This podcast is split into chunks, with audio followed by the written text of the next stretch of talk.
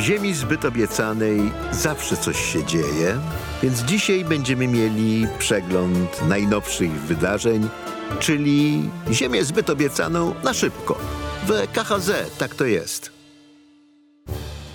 Podcast Ziemia zbyt obiecana powstaje we współpracy z Fundacją Elnet, organizacją pozarządową, której celem jest pogłębianie relacji między Europą a Izraelem w oparciu o wspólne potrzeby i demokratyczne wartości. W minionym tygodniu Izraelem wstrząsnęła tragedia, która rozegrała się na granicy z Egiptem.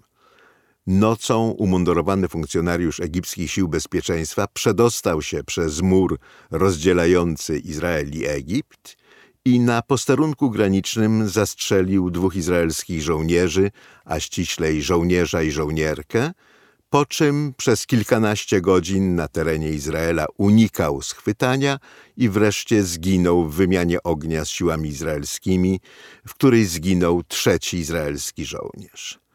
Y, strona egipska natychmiast przeprosiła za ten incydent, stwierdziła, że e, ten napastnik działał sam i najpierw mówiła, że się zapędził w pościgu za przemytnikami narkotyków, a potem w ogóle żadna oficjalna wersja nie została podana. Y, Izraelczycy przyjęli egipskie wyjaśnienia i wydaje się oczywiste, że był to izolowany incydent, y, być może rzeczywiście związany z przemytem narkotyków, ponieważ Izraelczycy dwa dni wcześniej przechwycili ogromny transport narkotyków y, wartości, o ile pamiętam, półtora miliona dolarów i jacyś przemytnicy mogli mieć ochotę się zemścić albo wręcz próbować odbić ten transport, ale te, ta strzelanina i jej tragiczny rezultat wzbudziły w Izraelu ogromną dyskusję. Okazało się bowiem, że żołnierz i żołnierka zabici na posterunku granicznym nie zdołali oddać ani jednego strzału. Ich broń była nieużywana. Y, to zaś stawia pytanie, jak w ogóle mogło dojść do takiej sytuacji. Przecież ci żołnierze mieli bronić Izraela, tymczasem jak skomentował złośliwie jeden z komentatorów, to oni sami wymagali obrony. Okazało się, że po pierwsze batalion, który sprawuje służbę na granicy, batalion Bardelas, to nie jest e, batalion najbardziej doświadczonych sił izraelskich, bo te są użyte e, na zachodnim brzegu w nieustającej walce z palestyńskim terroryzmem, więc ci żołnierze byli mniej ostrzelani, mniej otrzaskani, ale przede wszystkim sprawowali służbę w dwunastogodzinnych szychtach, co nawet w umiarkowanym klimacie byłoby niezmiernie trudne, a w sytuacji, kiedy w dzień dochodzi na granicy z Egiptem do 40 stopni w cieniu, jest po prostu niemożliwe. Nie jest możliwe, żeby nawet młody człowiek, a to byli młodzi ludzie 19 i 20 lat, utrzymał przez 12 godzin czujność w takich warunkach i to otwiera dyskusję na temat tego, jak zabezpieczać granice, zwłaszcza taką granicę, którą w Izraelu się uważa za bezpieczną. Egipska granica za taką uchodzi. Incydenty są niezmiernie rzadkie, a jeżeli do nich dochodzi, to nie z winy e, sił egipskich, tylko przede wszystkim z winy przemytników, już to narkotyków, już to ludzi, e, którzy usiłują przekroczyć granicę, i bardzo rzadko z powodu prób akcji terrorystycznych. No i przypomniało to, ja, na jak kruchych barkach spoczywa bezpieczeństwo Izraela. Y, to byli strasznie młodzi ludzie, 19-20 lat, a no składa się na nich z konieczności odpowiedzialność za bezpieczeństwo całego państwa – Jeden z komentatorów zresztą wysnuł hipotezę, że może żołnierz i żołnierka byli bardziej zainteresowani sobą niż pilnowaniem tego, co się dzieje na granicy, co jest zupełnie haniebną insynuacją e, i zostało słusznie potępione i przez rodzinę zabitych, i przez wojsko. No ale pytanie brzmi, y, na czyich barkach spoczywa bezpieczeństwo Izraela? Tym bardziej, że to bezpieczeństwo stale jest zagrożone. Y, to zagrożenie na granicy egipskiej to rzeczywiście incydent, którego nie sposób przewidzieć, nie sposób się nań przygotować. Ale wiemy już, y, że Iran wzbogaca uran do poziomu 94%, co sprawia, że jeżeli by podjął decyzję, to w ciągu kilku tygodni może zbudować głowicę atomową. Inna rzecz, że źródła wywiadowcze uważają, że Iran nie ma jeszcze Y, skutecznych sposobów przenoszenia takich głowic, że te rakiety irańskie, a niedawno Iran przeprowadził nieudaną próbę z rakietą balistyczną i udane próby y, z rakietą hipersoniczną, jak z dumą oświadczył y, dowódca Strażników Rewolucji. Ta rakieta potrzebuje 400 sekund, żeby dolecieć do Tel Awiwu. E, takie rakiety dostosowane do przenoszenia głowic atomowych Iran mógłby mieć, jeśli by chciał, w ciągu dwóch lat, ocenia wywiad. Ale to raz jeszcze pokazuje, że zagrożenie irańskie jest realne. Jak pamiętamy, prezydent Trump zerwał poprzednie porozumienie atomowe z Iranem, które znosiło sankcje w zamian za obietnicę Iranu że nie będzie wzbogacał uranu do poziomu takiego, jaki jest potrzebny w broni atomowej. E, Trump zerwał to porozumienie przy aplauzie ówczesnego rządu Netanyahu, uważając, że Iranowi nie można ufać. E, I pewnie Trump miał rację, Uranowi nie można ufać, natomiast y, skoro Stany zerwały to porozumienie, no to Iran także po pewnym czasie ogłosił, że nie będzie się do niej stosował i teraz już ma wzbogaconą broń, e, wracony uran zdatny do użycia w broni atomowej.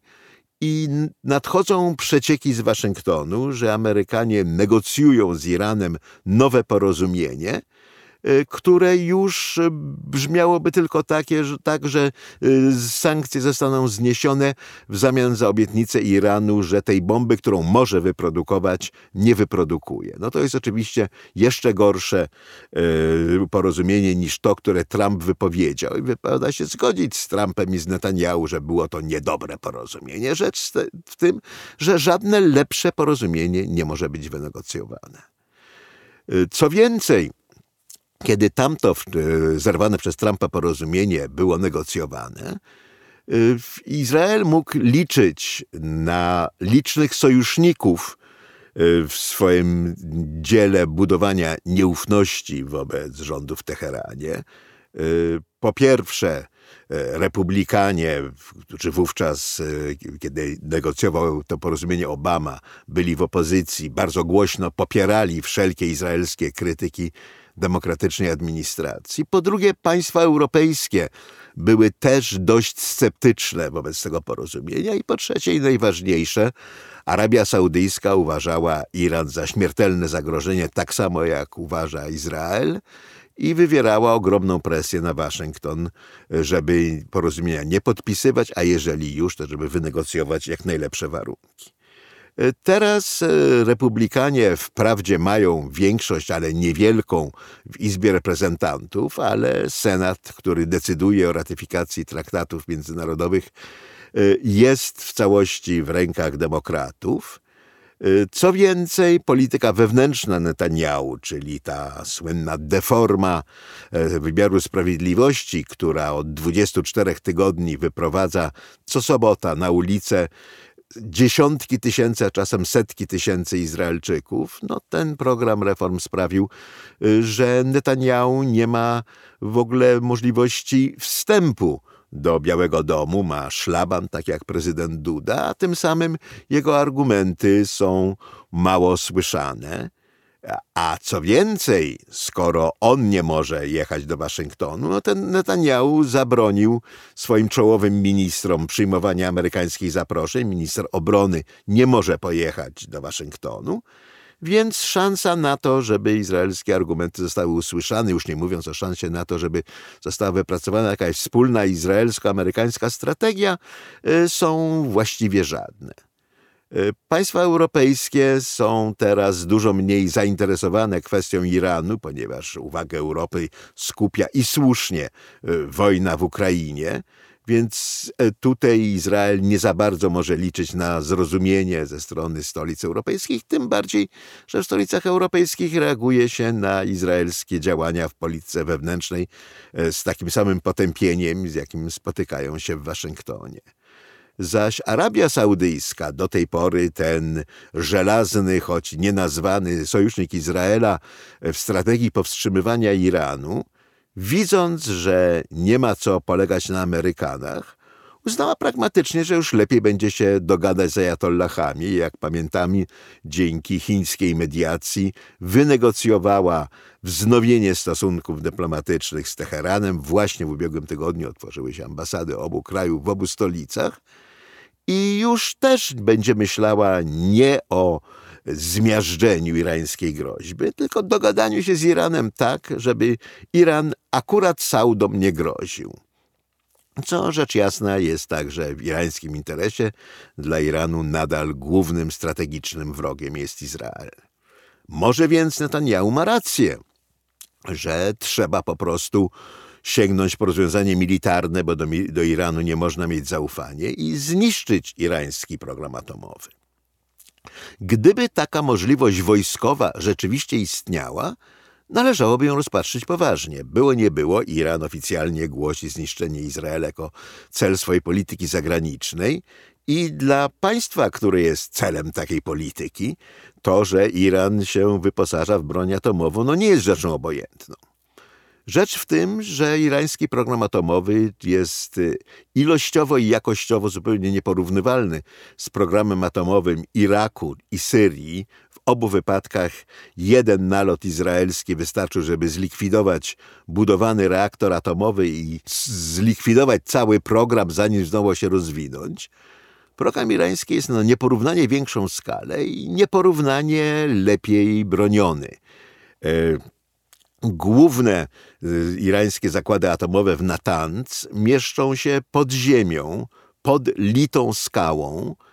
Ich zbombardowaniem byłoby możliwe tylko z wykorzystaniem tych nowych amerykańskich bomb, które się nazywają rozwalacz bunkrów, bunker blaster.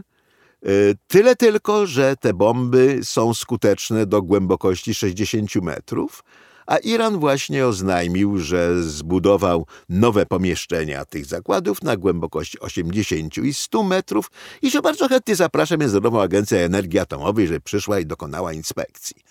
Innymi słowy, Iran mówi, nic tam nie zrobicie. No, aż tak dobrze z punktu widzenia Teheranu to nie jest. E, to znaczy, e, izraelski atak na Iran mógłby spowodować bardzo poważne straty w irańskim programie atomowym. Co więcej, pojawiają się przecieki, nie wiadomo czy nie wręcz sterowane przez Izraelczyków, że w Azerbejdżanie na granicy z Iranem stale stacjonują dwa izraelskie F-35, które byłyby zdolne do dokonania takiego ataku, bo problem oczywiście polega na tym, że Iran leży daleko od Izraela, więc dolecenie do miejsca, na które należy zrzucić bomby, już to byłoby problemem. No, start z Azerbejdżanu oczywiście sytuację by bardzo ułatwiał. E, no tyle tylko, że takie naloty mogłyby tylko częściowo zniszczyć irański program atomowy, ograniczyć go, ale nie zlikwidować. E, odpowiedzią Iranu oczywiście byłby atak na wszystkie wyobrażalne cele izraelskie, a także żydowskie w Europie, ale także amerykańskie. E, doktryna, że mały szatan działa tylko na polecenie dużego szatana, w Teheranie nadal obowiązuje, nawet jeżeli duży szatan, czyli Waszyngton, nie kontroluje tego, co robi mały szatan, czyli Jerozolima, a wręcz bardzo mocno e, tego małego szatana krytykuje. Więc odpowiedzią na izraelski atak byłby irański atak na cele izraelskie, żydowskie i amerykańskie, co musiałoby spowodować przynajmniej regionalną wojnę. No, pamiętajmy jeszcze o de facto sojuszu militarnym, jaki istnieje między Iranem a Rosją. Oba kraje współpracują łapka w łapkę w dławieniu tego, co zostało z rewolucji demokratycznej w Syrii. Iran zaopatruje Rosję w drony używane przeciwko Ukrainie, a Rosja chce dostarczać do Iranu e, swe systemy obrony przeciwlotniczej, słynne S-400, e, które mogłyby bardzo tym izraelskim F-35 utrudnić działania. Ale przede wszystkim taki atak na irańską bombę atomową zjednoczyłby całe społeczeństwo irańskie w poparciu dla budowy bomby. Bo Irańczycy musieliby z tego wyciągnąć logiczny wniosek, że Iran bombę musi mieć, no bo mocarstw atomowych się nie bombarduje. I to by skonsolidowało Irańczyków wokół programu budowy bomby, a więc wokół rządu ajatollahów, skrajnie niepopularnego. Pamiętajcie Państwo, że przez miesiące trwały ogromne ruchy protestacyjne, krwawo tłumione przez reżim, spowodowane zabiciem przez policję kurdyjki Maty Amini za to, że miała niedokładnie założoną chustę na głowę. E, tutaj perspektywa, że naród powstanie przeciwko ajatollahom, stałaby się właściwie niemożliwa, bo co innego byłoby ważniejsze no, obrona kraju przed obcą agresją. Rozwiązanie militarne nie istnieje. E, rozwiązanie polityczne, jeżeli istnieje, jest wysoce niezadowalające. Nieco mniej niezadowalające rozwiązanie polityczne zostało wcześniej zerwane przez stronę amerykańską, a Izrael z powodu swojej katastrofalnej polityki wewnętrznej nie ma wiele w tej sprawie do gadania.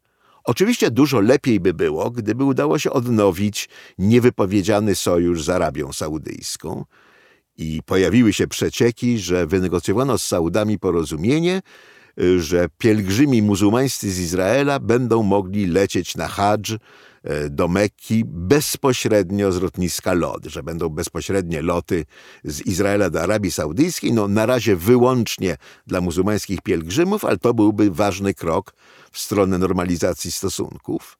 E, tyle tylko, że Saudowie bardzo pragmatycznie poinformowali Waszyngton, jaką cenę E, każą sobie zapłacić za ewentualne nawiązanie stosunków z Jerozolimą.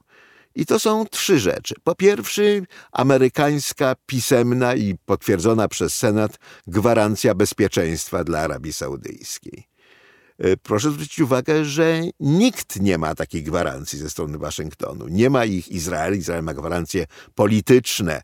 Wszyscy amerykańscy prezydenci w ciągu ostatniego półwiecza mówią, że bezpieczeństwo Izraela ma dla Stanów Zjednoczonych wartość priorytetową, ale nie jest to potwierdzone traktatowo. Mało tego, nawet NATO w którym obowiązuje artykuł 5 i Solidarność jeden za wszystkich, wszyscy za jednego, no też tylko gwarantuje konsultacje w wypadku ataku, choć jest rzeczą na ogół zakładaną, że te konsultacje skończyłyby się militarną kontrakcją. Ale dla Saudów to jest za mało, oni są czarno na białym, że w wypadku, gdyby Arabia Saudyjska została zaatakowana, Amerykanie będą zbrojnie interweniować w jej obronie. Arabia Saudyjska no, była atakowana, choćby przez drony wystrzeliwane przez Hutich, sprzymierzeńców Iranu, z Jemenu, w którym Arabia Saudyjska toczy wojnę więc Amerykanie musieliby udzielić gwarancji krajowi, który znajduje się w konflikcie zbrojnym. Po drugie, Saudyjczycy wystosowali bardzo długą listę zakupową e, broni i systemów broni, które pragną zakupić w Stanach Zjednoczonych, które uczyniłyby z Arabii Saudyjskiej mocarstwo militarne e, równe Izraelowi. Oczywiście zapewne e, z mniej wyszkoloną i mniej zmotywowaną kadrą, ale pytanie, czy Izraelowi to bezpieczeństwo, jakie dałyby stosunki z Saudyjczykami, opłaca się za tę cenę, jaką byłaby dramatycznie wzmocniona saudyjska armia. I wreszcie po trzecie bagatelka. Saudyjczycy żądają zgody Amerykanów na saudyjski cywilny program atomowy.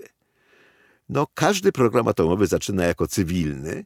Yy, produktem ubocznym działalności reaktorów atomowych jest uran – na uran następnie można wzbogacać aż do po takich poziomów, które pozwalają zrobienia z niego bomby atomowej, jak właśnie widzieliśmy w Iranie. Innymi słowy, Saudyjczycy proponują Amerykanom, że żeby przestraszyć Iran, który już zaraz może tą bombę atomową mieć, są gotowi sprzymierzyć się oficjalnie z Izraelem, ale pod warunkiem, że Amerykanie pozwolą im być potencjalnym nowym Iranem. Znaczy, że kiedy przyjdzie im ochota, będą mogli sobie tą bombę atomową zbudować. Już nie mówię o tym, że to by znaczyło, że bombę atomową wyprodukuje także Turcja, ale nie jest jasne, że Bliski Wschód, w którym odpowiedzią na irańską możliwość budowy bomby atomowej będzie możliwość budowy saudyjskiej bomby, będzie Bliskim Wschodem bezpieczniejszym.